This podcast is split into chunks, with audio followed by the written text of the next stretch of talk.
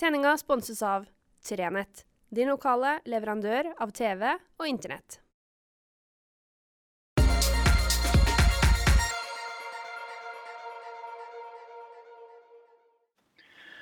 Riktig god fredag. Det er med stor glede jeg registrerer at det er et bredt engasjement omkring frivilligsentralene, i, ikke bare i Nord-Troms, men faktisk i hele landet. Og Det er kjempebra. Jeg ser at Sandra Borch har engasjert seg sammen med Svein Leiros.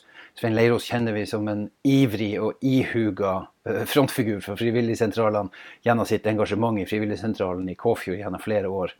Eh, og nå som politiker på, for, for, Senterpartiet så er han like på ballen, for å si det sånn. Men vi ser også at andre, eh, SVs Knag Fylkesnes er på.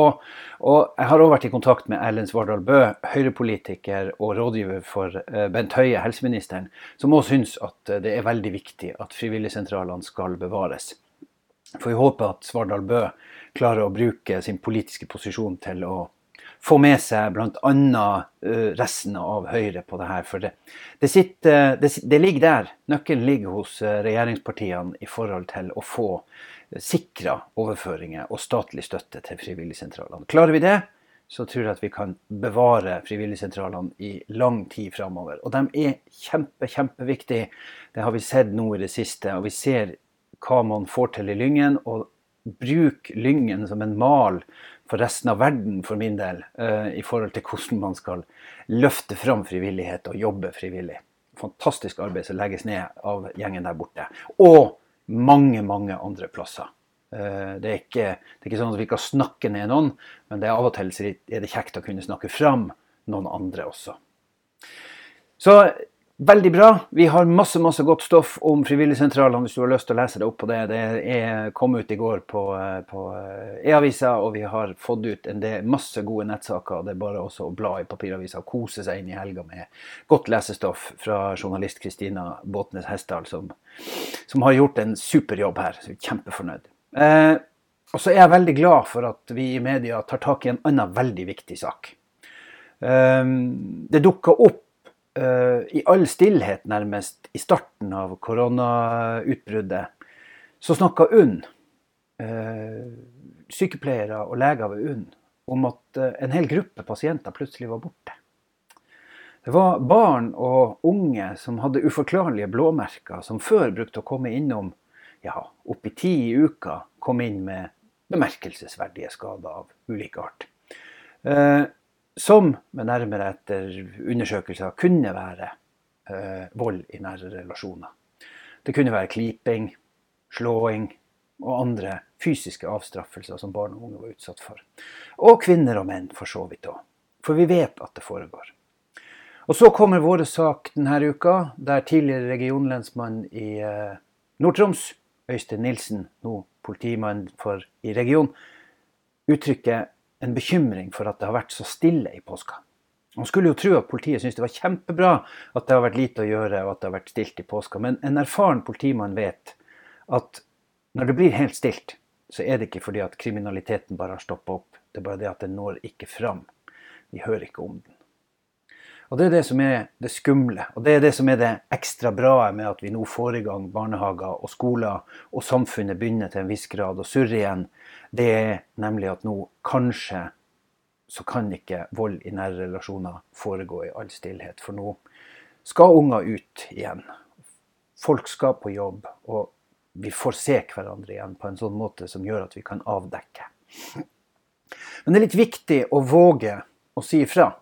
Det er litt viktig, eller ikke litt, det er et dårlig begrep. Det er kjempeviktig å våge å si ifra. Jeg kjenner av og til på det. Jeg har kjørt bortover veien mange ganger og blitt liggende bak biler som kanskje oppfører seg litt rart når du kjører. Og så tenker du mm, jeg burde vel kanskje ringt politiet, men så sitter det langt inne da.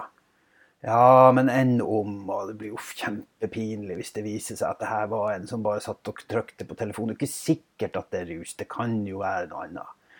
Og så ringer du ikke. Kanskje må jeg som journalist skrive om ei ulykke som jeg kunne ha vært med å avdekke. Det er akkurat den der 'kanskje'. Og Det er vanskelig. Som sagt, jeg kjenner mange ganger på det sjøl. Skal man ringe? Det ropet du hørte i stad, det hørtes ikke bra ut. Men var det det du tror det var? Og er det noe å plage politiet med? Og skal jeg være den som gjør det, liksom? Det er jo ikke noe, ikke noe Nei, det kan jo like gjerne ha vært ja, Kanskje det bare var gubben i huset som ved et uhell klemte hammeren over tommelen. Man vet jo ikke. Eller det kan være akkurat det som du innerst inne er livende redd for at det var. Og Derfor så tror jeg at vi av og til må våge å si ifra. Akkurat sånn som i andre saker. Eh, senteret mot eh, incest og overgrep har fått veldig få henvendelser etter at koronautbruddet kom. Urovekkende få nye henvendelser har senteret fått. Før hadde man et jevnt tilsig av saker, av folk som ba om hjelp, som trengte råd. Plutselig så stopper det opp. Og man kan spørre seg om hvorfor det stopper opp. Kanskje fordi plutselig så er offeret sammen med overgriperen hele tida og har aldri mulighet til å komme unna, til å få trukket pusten, til å klare å tørre og våge å bryte ut. Og Da er det viktig at vi som samfunn er der og kan si ifra og kan hjelpe og oppdage. og Våge å stille spørsmålet har du det egentlig bra. Og kanskje noen gang så er vi litt for snar. Jeg opplever det noen ganger at jeg gjør det. Jeg, du, du, møter noen, og så sier du 'har det bra', og så sier vedkommende 'ja'. Og så tenker du ja, OK. Men kanskje skulle du ha noen gang, når du ser at vedkommende sier sånn Så skulle du ha sagt har du det bra? Og det kan av og til være den nåla som sprekker ballongen. Jeg håper i alle fall at eh, når vi nå får samfunnet mer i gang, at vi får stoppa stillheten. For stillhet kan være behagelig, det, når du har gått på ski eller eh, skrudd av eh, stereoanlegget, og det blir stille i huset. Kanskje ungene har lagt seg, eller Det er noe som gjør at det har vært støy en hel dag. Men stillhet kan òg være forferdelig ond.